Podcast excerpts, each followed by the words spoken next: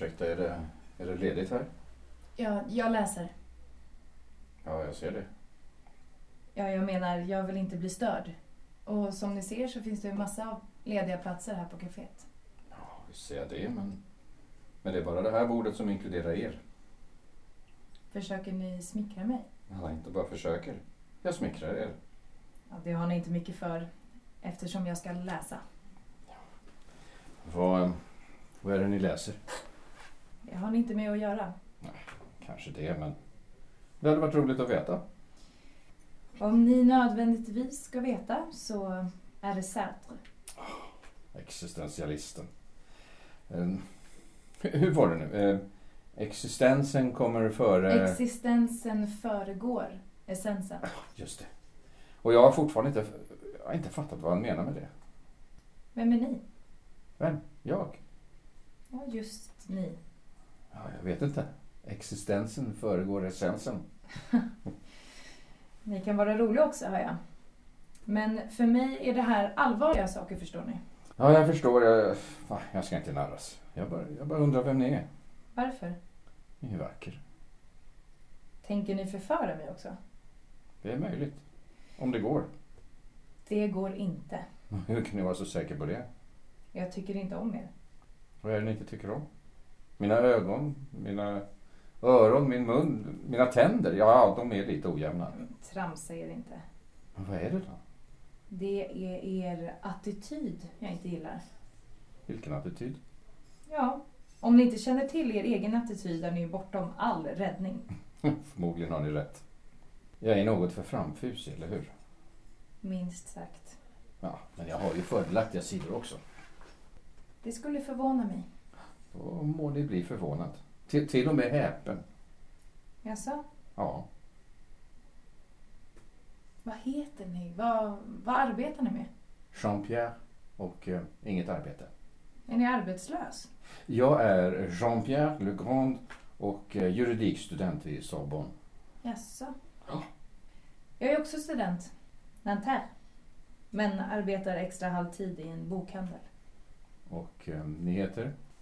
Ni är envis. Ja, låt oss samtidigt lägga bort niandet. Ja, varför inte? Det är bara en borgerlig ovana. Eva Mathieu heter jag. Eva alltså. Jean-Pierre. Jag tror jag är kär redan. Lite förhastat. Det vet bara jag.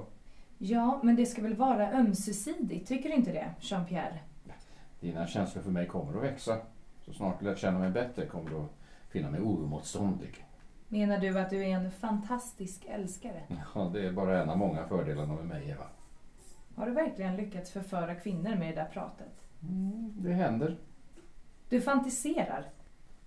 Är du existentialist? Du menar i Sartres tappning? Ja. Ja, jag tycker fransmännens intresse för eh, Sartre är ohälsosamt. Hur så? Han är för deprimerade helt enkelt. Livet är för kort för att man ska bygga det på en grund av depressiva tankar om att varje val är extremt viktigt, kanske livsviktigt. För fan, man får ju ångest bara att tänka så. Han borde slappna av mer, Jean-Paul. Ja, han är för deprimerande helt enkelt. Livet är för kort för att man ska bygga det på en, på en grund av depressiva tankar om att varje val är extremt viktigt, kanske livsviktigt. För fan, man får ju ångest bara av att tänka så. Han borde slappna av mer, Jean-Paul. Kanske röka lite opium, som Baudelaire på sin tid. Eller lite jazztobak. Till och med Aznavour röker jazztobak har jag hört.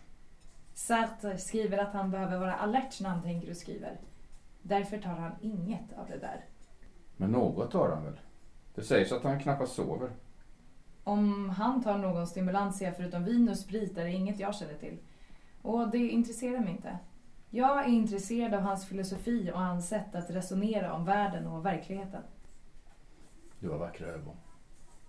Jag ska väl säga tack. Även om det är oförtjänt. Det är inte jag som skapar mina ögon, det var mor och far. Du har um, en vacker, ja, en perfekt formad mun. Auguste Rodin skulle ha uppskattat den. Gjort en kvinnlig skulptur med just formen av de där läpparna. Rodin var en stockkonservativ borgarkonstnär. Ursäkta mig.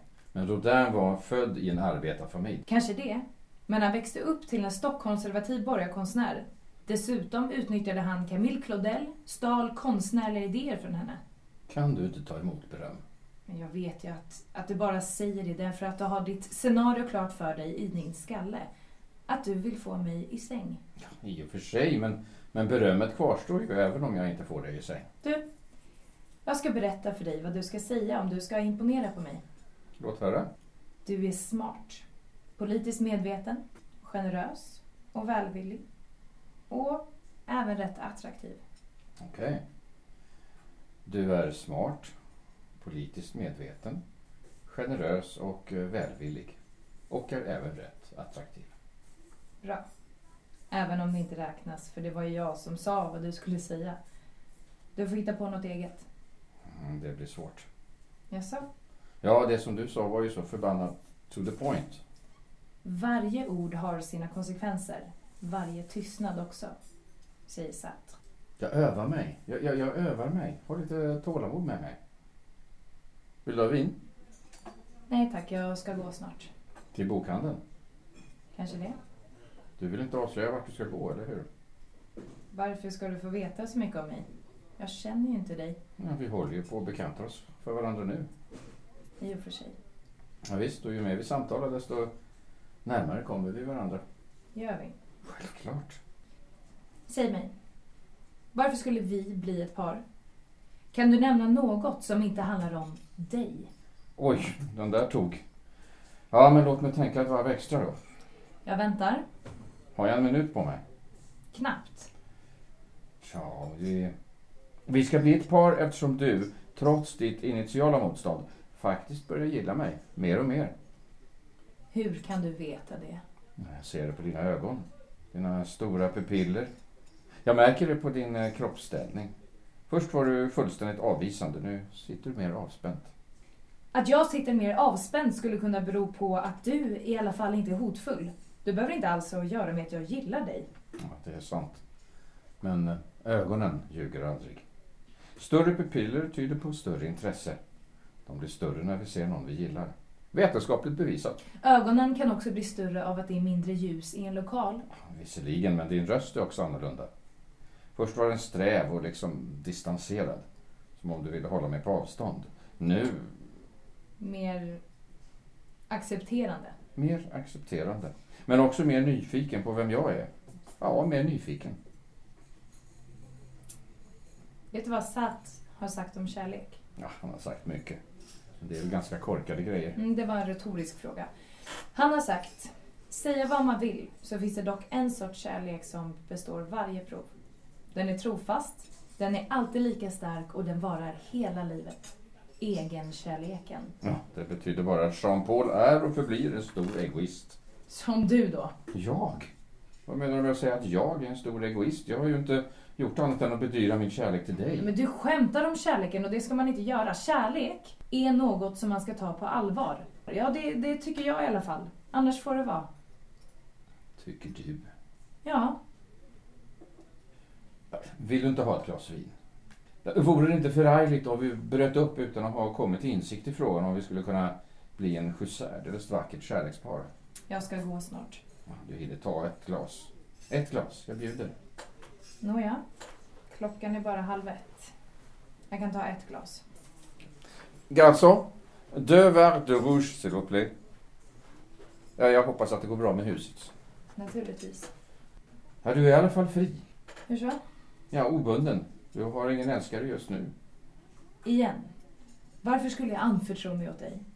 Jag känner dig nästan bara till namnet och att du är student vid Sorbonne. Ja, i alla fall fri. Fri att ingå i en kärleksrelation.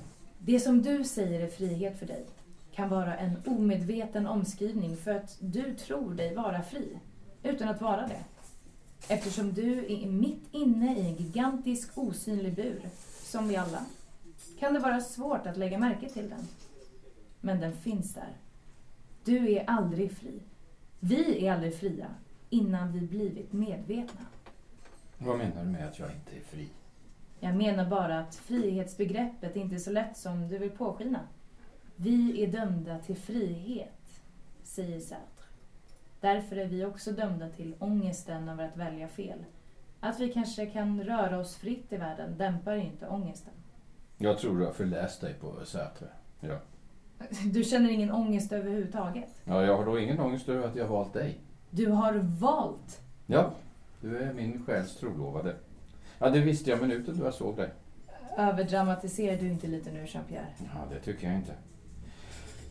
Så det var något inom mig som genast gav mig besked om att du är kvinnan för mig. Som ett eh, milt stråkackord från en cello. Tack. Tack. Ja, ni kan ge mig notan. Var var vi? Du smickrade mig och sa att jag var din själs älskade. Ja, just det. Ja, men ja, men det är väl en bra början. Vad studerar du? Juridik, men eh, ja, egentligen, egentligen struntar jag i studierna. Jag, jag går bara därför att min far propsade på det. Så snart det är möjligt ska jag hoppa av. Men han ger mig nu ett månatligt underhåll som täcker upp för hyra, mat och ja, nöjen då förstås. Är man ung måste man roa sig, inte sant? Innan det är för sent. Ja, det håller jag med om. Men att roa sig är inte allt. Just nu är det stora saker i görningen. Alla behöver roa sig för att inte bli uttråkade. I synnerhet studenter. Hur roar du dig förutom att, att läsa Herr Sartre? Sätre roar mig inte. Sätre ska inte roa, man ska ta honom på allvar. Anser du inte att livet bör tas på allvar? Låt mig säga så här. Livet är allt för allvarligt för att man ska kunna ta det på fullt allvar. Vad menar du? Läkarna säger... Vadå? Ja, de säger så mycket. Nu, nu talar vi om något annat. Nej, jag vill veta nu. Det här, det här verkar beröra dig. Nej. Om jag ber dig. Okej då. Läkarna säger att jag har något problem med hjärtklaffarna. Hjärtklaffarna. Ja, det är nog medfött. Men som jag kände av nyligen. Läkarna som undersökte mig sa att, att det kan vara något lättare eller något ja, som inte är så bra. Klafffel. Nej, Men låt oss lämna ämnet. Som jag sa, livet är för allvarligt för att tas på allvar. Jag beklagar. Det finns inget att beklaga, det är som det är. Jag är inte död än. Det här blev väldigt allvarligt. Ja, antingen får du lätta upp stämningen eller själv bidra med något riktigt allvarligt. Vad kan jag säga? Min mamma är död. Jag uppfostrades hos mormor i Normandie. Jag ville studera i Paris. Jag läser filosofi och litteratur i Nanterre. Och delar nu en mindre vindsvåning med en klasskamrat i Montmartre. Jag älskar Paris. Jag älskar också Paris. Men du hatar att studera juridik. Ja, vem skulle inte göra det? Det är bara blivande företagsledare, advokater och politiker som studerar juridik. Jag är en fri ande. Jag vill egentligen måla. Det kan jag mycket väl föreställa mig. Jaså? Det kan du. Och du då? Vill inte, inte också du vara fri? Men ingen människa är riktigt fri, Jean-Pierre. Vi lever i en ocean av konventioner, normer och regler för hur vi ska vara. Vi har till och med regler som talar om för oss när vi ska känna oss fria. Ja, det där sista förstår jag inte. Jo, men exempelvis finns det en regel som säger att när du lämnar ditt arbete, då ska du känna dig fri. Och det är därför vi har det som kallas för fritid. Men om jag känner mig fri när jag arbetar, vad, vad händer då? Blir tiden när jag inte arbetar då ansedd som ofri tid? Mm. Ja, det ligger något i vad du säger. Ja, klart det gör.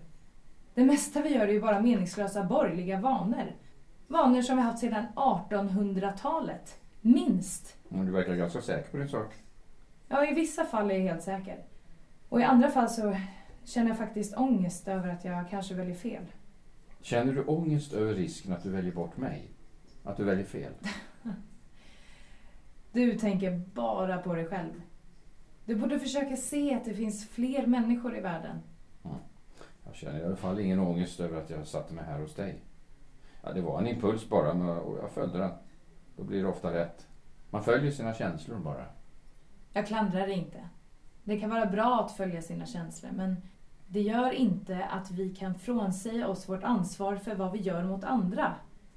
Vi formar våra liv i mötet med andra. Det är då vi kan känna ångest.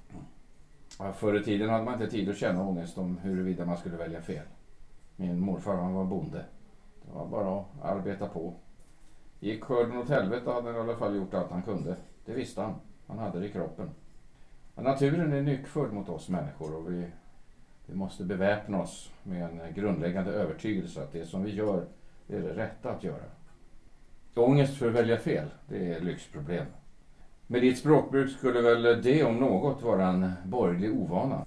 Men har du inte ångest för att välja på så vis att du sårar andra människor med det du säger och gör? Nej, inte det minsta. Det bästa jag kan vara är att vara, vara mig själv utan skygglappar. Utan något som håller mig tillbaka. Genom att vara ärlig mot andra människor är man sann. Bättre än så kan vi inte komma. Jag har ju varit fullständigt ärlig mot dig till exempel. Du lever i en romantisk värld som inte existerar, så jag vet inte om man kan kalla det ärligt. Eller också koketterar du med dina romantiska fantasier. Romantik är något man skapar tillsammans med en annan person. Man och kvinna skapar kärlek ur tomrummet. Även om det inte fanns någon romantik tidigare. Förstår du då vad jag menar? Man, man går in i en gemensam värld och är, är lycklig där. Jag tycker att vi går tillbaka till ämnet ärlighet. Har du aldrig sårat någon med din ärlighet menar du? Ja, men det är upp till dem i så fall. Om de blir sårade menar jag. Jag kan inte styra deras känslor, eller hur? Men du kan ju undvika att såra deras känslor om du är medveten om deras ömma tår. Då trampar inte du på dem. Du väljer bort den handlingen. Jag har i alla fall ångrat vad jag gjort när jag klivit in i en relation utan att vara helt säker på mina känslor. Därför att jag också är på min vakt, både mot mina känslor och mot dig. Har jag sårat dig? Ja, till att börja med... Nej, inte på det viset, men du sårade min intelligens. Du agerade som om jag var ett objekt. Ett ting för dig att använda, inte ens en människa. Sedan har du mest förbryllat mig, satt myror i huvudet på mig, fått mig att fundera. Ja, vilket, vilket inte är helt oangenämt. Du, du lockar fram något hos mig som jag inte visste fanns där. Ja, men då förstår du säkert vad jag menar. Om jag lever ärligt skapar jag sanning. Jag skapar ett sant liv. Helt oberoende av vad andra tycker och tänker om mig. Men samtidigt ja, hoppas jag ju förstås att till exempel du ska uppskatta mig för den jag är när, när jag lever i enlighet med min sanning, min ärlighet. Har du varit i Nanterre och demonstrerat? Nej, jag håller mig i Sorbonne. Jag är, jag är inte intresserad av politik. Jag är, jag är intresserad av dig. Du borde intressera dig för politik. Nu händer det ju saker som, som, som kommer förändra allt.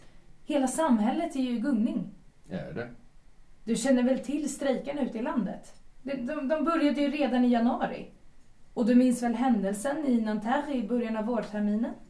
Någon i universitetsledningen hade upprättat svarta listor över revolutionära studenter som skulle rensas ut. Anarkister och socialister. Sen gick ju järnvägsarbetarna i Grenoble ut och strejkade den 5 februari. Ja, och till och med bankpersonalen var ju med i strejkandet. Ja, men fransmännen har ju alltid strejkat. Det är ju tradition. Strejker och upplopp. I alla fall sedan 1789. Men du märker väl stämningarna? Att vi faktiskt närmar oss kokpunkten. Snart bryter ju allt löst, Jean-Pierre. Allt kommer att förvandlas. Ja, jag vet att många studenter är ute och demonstrerar. Fast knappt någon från juridiken. Det skulle väl se dåligt ut i ett CV förmodar jag. Om de skulle bli gripna av polisen och få ett äh, åtal på halsen. Vems sida står du på? Är du på vår sida eller är du på den sidan där, där du har dina dammiga kompisar från juridiken? Jag trodde väl att jag var det. Juridiken brukar vinna över laglösheten förr eller senare. Jaså? Men så snart jag såg dig, Eva, hoppade jag över gränsen till din sida. Du vill bara skämta bort allvarliga saker, Jean-Pierre. Det är inte min sida. Det handlar om att alla studenter, till att börja med, ska få bättre villkor. Och nu är vi ju fler studenter än någonsin. Studenter från arbetarklassen har för första gången haft möjligheter att bli studenter. Portarna har slagits upp på vid gavel genom enträgen kamp. Och det är vi som ska bygga upp samhället. Vi är framtiden. Men Eva, du kan, du kan väl inte tro att några studenter skulle kunna förändra något alls i den stora världen? Får studenterna igenom något av alla de kraven de rest så är det väl bara att det blir fler studentlägenheter. Det tar slut där. Det blir inget mer. Ingen revolution. Jag förstår inte din pessimism, Jean-Pierre. Vi är ju inte ensamma om att vilja ha förändring. Kanske inte studenterna ensamma kan skapa de stora förändringarna, men vi har ju fler och fler franska industriarbetare med oss nu. Flera stora fackförbund. De demonstrerar nu i solidaritet med oss varje helg. Och vi med dem. Vi står bakom dem med deras krav om förbättrade arbetsvillkor. Det har du väl i alla fall läst om? Ja, ja. Jag har väl ögnat igenom rubrikerna. Ögnat igenom rubrikerna. Är du inte upprörd över allt det här som hänt senaste tiden? Att man försökt hindra alla våra rättmätiga krav? Att man försökt sparka Daniel Combindi som är studentledare eftersom han anses för radikal, för farlig? Jo, men det är ju inte för inte som man kallas röde den nu. Du vet väl att de Gaulle-regeringen är livrädd för att förlora makten? Att man har hotat med att stänga universiteten. Även ditt Sorbonne. Ja, jo, men... Men det är nog mest ett skrämskott. Jag, jag, tror inte på det. Skrämskott. Hela samhället är ju i gungning. De Gaulle försöker hålla tillbaka oss studenter, men det är inte möjligt. Vi känner att förändring håller på att ske nu. Inte bara för Frankrike, inte i Tyskland, Holland, Belgien och England. Du tror alltså verkligen att det skulle vara möjligt med, med förändring? Men om det bara är en tillfällig vind, om, om allt mojnar om ett halvår då? Till vad nytta är då alla de här demonstrationerna? En hel del blir ju slagna gul och blå, blir arresterade, åtalade. Förlorar kanske en karriär. Vi kan inte tänka så. Vi måste tänka på vad som kan vara möjligt här och nu. Och vad tiden kräver av oss. Du kan inte bara vara en passiv åskådare, det förstår du väl Jean-Pierre? Menar du att man ska riskera livet? Ja, I Tyskland och USA har man ju skjutit på studenterna när de demonstrerat. Där den där studenten Benno Oensag fick ju en kula i bakhuvudet den 2 juni förra året. I Västberlin. Ja, ja, jag vet, jag vet. Det är ju för att motståndet från makten ökar ju mer kraft vi får. De är helt enkelt rädda för oss. Vår styrka skrämmer dem. Ja, vi har kommit långt från var vi började. Ja, men det är väl bra. Att du börjar bli på det klara med vem jag är. Och inte bara det som du har föreställt dig i din hjärna. Ja, i viss mån är det så. Samtidigt känner jag tyvärr hur romantiken är på väg att rinna av mig. Jag måste säga det eftersom jag vill vara ärlig mot dig, Eva. Men det var ju bara falsk romantik. Borgerliga romantiska föreställningar som håller kvar människor i ofria relationer. Den äkta romantiken är att se varandra som man är, nakna inför varandra. Var det inte du som nyss talade om att vara sann mot sig själv och sina känslor? Romantik är lögn. Ja, jag vet inte, det är jag en... Jag tror att när det gäller romantik måste man behålla några av sina hemligheter. Annars så skrumpnar relationen ihop av leda och rutiner. Hemligheterna skapar en laddning i förhållandet. Och ett förhållande behöver vara elektriskt för att leva. Mm, du säger emot dig själv. Men det märker du inte. Du vill vara fullständigt ärlig. Bra. Men den jag vill vara samman med måste vara fullständigt ärlig mot mig. Då vet man vad som händer inom honom, när det händer. Och man kan prata igenom det tillsammans. Hur ska jag annars kunna lita på honom? Men en kvinna som inte behåller några av sina hemligheter blir trivial. Trivial? Ja, det vardagliga, det, det allt avslöjade, det fula. Den där unkna lukten av gammal svett i sängen. Eller att tala om allt som är fel i relationen. Finns det något mer avtändande? Och kvinnor som efter en tid upphör att måla sig vackra för sin man. Upphör att klä upp sig. Det, det tar bort lysten i en relation. Du säger bara så för att du lever i en drömvärld. Förstår du inte att jag försöker ruska liv i dig? Att komma in i min värld? I den riktiga världen? Jag säger bara att jag vill behålla några hemligheter för mig själv. Och jag vill ha detsamma av den kvinna jag är tillsammans med. För att behålla själva magin i kärleken. Men kanske det är omöjligt för kvinnor. Ni vill ju gärna tala ut om allt möjligt, eller hur? En man kan alltså behålla sina hemligheter bättre, menar du? Bättre på att smussla med sina intentioner? Ja, kanske det är därför som män i högre grad än kvinnor är otrogna. De stänger helt enkelt av en del av hjärnan. En man har inte lika stort behov av att låta två disparata ämnesområden påverka varandra i huvudet. Han kan också sortera, separera, hierarkisera, se vad som är möjligt att säga och göra i en viss situation och vad som är omöjligt. Ja, och det tror inte du att jag kan göra då? Ja, Jag tror att du kan göra det, men du vill inte. Ja, det där måste jag fundera på. Ja, gör det. Jag vet inte om det där du sa var menat som beröm eller klander. Det var bara en åsikt. Ja, förresten, glöm vad jag sa. Tänker du gå på demonstrationen imorgon? Imorgon, första maj. Tänker du gå? Ja, självklart. Hotet att stänga Nanterre växer ju för varje dag. Äh. Vad skulle jag göra då? Och förutom det så handlar det om att välja sida. Om att välja rätt sida. Jag vet att jag har rätt. Sorbonne fortsätter ju som vanligt. Det är bara vad du tror. Regeringen sitter ju i krismöten och planerar motaktioner. Förmodligen stänger dekanen Sorbonne också. Det vill säga, han får order av de Gaulle att stänga oroliga fakultet tills det lugnat ner sig. Nej, Det är vad du tror. Äh, det här har snart blåst över alltihop. Och så är vi tillbaka där vi var från början. Ruta ett.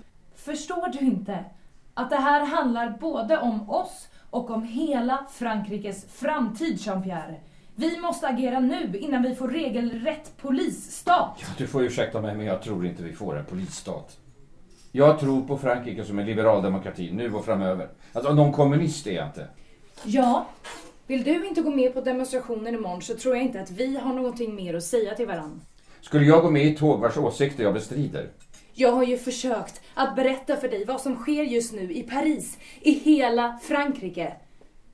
Sartre ska tala vid demonstrationen imorgon dessutom. Ja, det avgör saken. Då kommer jag inte.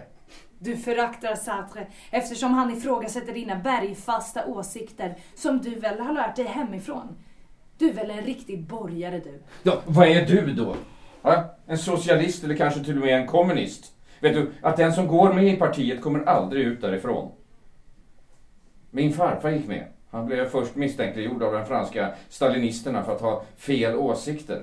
Han hatade, med rätta, Stalin, som han ansåg förrått revolutionen. Sen när tyskarna kom blev farfar först identifierad som kommunist, därefter kastad i fängelse och några veckor senare avrättad. Här, i Paris. Jag beklagar att din farfar blev mördad. Glöm bort den där gamla Sovjetkommunismen. Det har ingenting med oss att skaffa. Nu talar jag om den nya socialismen, den som föds nu. Vi unga ska förändra kommunistpartiet inifrån. Det är vår rätt och vi kommer att lyckas.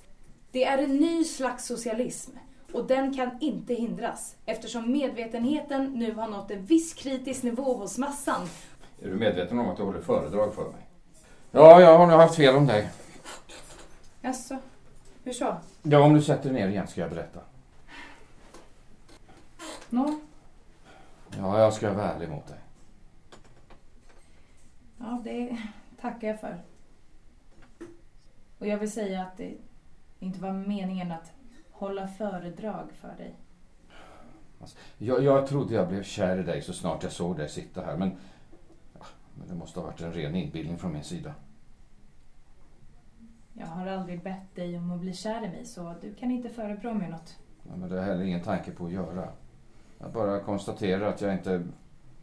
Jag har helt enkelt inga känslor för det längre. Och det... ja, Det skrämmer mig. Men då... Men då bör du gå nu då.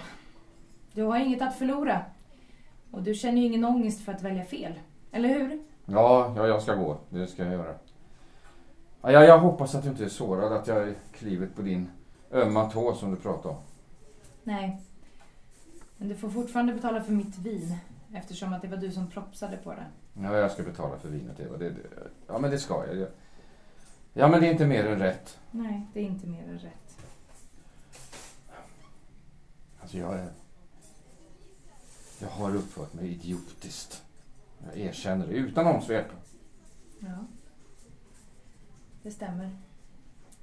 Ja, visst har du uppfört dig omedvetet. Men jag uppskattar att du erkänner det i alla fall. Jag tycker om dig för det. Att du erkänner dina svagheter alltså. Tack. Tack för att du åtminstone är något som du uppskattar för mig för. Jag tycker jag har fler oanade positiva sidor. Det vet man ju inte förrän man har umgåtts ett tag. Du har säkert många goda sidor. Kanske. Kanske inte. Inga som... eh, Som, Ja, som vadå? glöm bort det. Men Ja, men då säger vi farväl då. Vi ses väl inte igen.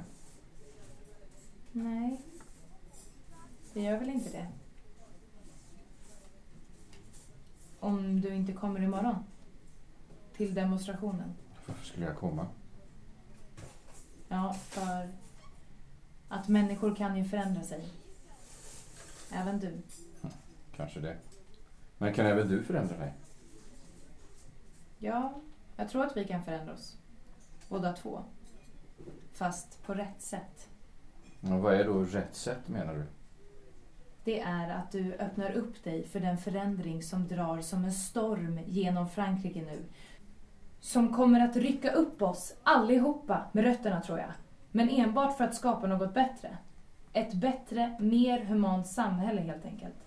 Ja, och jag vill förstås också att vi ska få ett bättre, mer humant samhälle som du kallar det. Något som ger bättre villkor för de som är längst ner i hackordningen. De fattiga och sjuka. Ja, men du får inte tro att jag är helt jävla hjärtlös typ, Eva. Nej, nej det tror jag inte. Det har jag aldrig trott. Du är för vek för det. Du försöker dölja det, men du, du är för vek. Jag tror bara att du håller inne vissa känslor.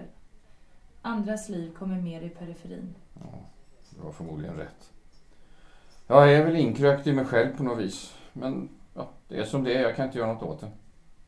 Jo, det kan du. Följ med mig. Vi slår följe till demonstrationerna vid Nanterre. Då kan du lära dig mer, öppna upp dig för nya impulser, diskutera mer med andra människor. Istället för att vara instängd i dig själv och dina egenintressen. Jag har fått många nya vänner i samband med proteströrelsen. Och de, de har hjälpt mig att förstå samband. Ja, men vad som försiggår. Dolt för allmänheten. Att du får mig villrådig, Eva. Jag vet faktiskt inte längre vad som är värt något. Ja, jag vet att juridik i alla fall slösar i med min tid. Kanske mitt öde har något med konst att göra, men jag, jag vet inte om jag är tillräckligt begåvad, Eva. Jag vill i alla fall inte dö utan att ha upplevt något som varit värt att leva för. Men vad som är värt att leva för, vem vet väl det? Framtiden är värt något, Jean-Pierre. Vi måste ta hand om framtiden. Vår gemensamma framtid. Om inte vi och, alla andra som vill skapa förändring gör något. Då blir, då blir ju allt kvar vid det gamla. Det, det, det finns ögonblick i historien då allt kan förändras. Just nu är vi inne i ett sånt skede, Jean-Pierre. Nu! Just nu! Tillsammans kan vi allihop skapa något som är värt att leva för. Värt att anstränga sig för. Värt att offra sig för. Ja. Kanske har du rätt, Eva. Så. Kommer du imorgon? Följer du med mig? Till Nanterre? Ger du mig ditt telefonnummer?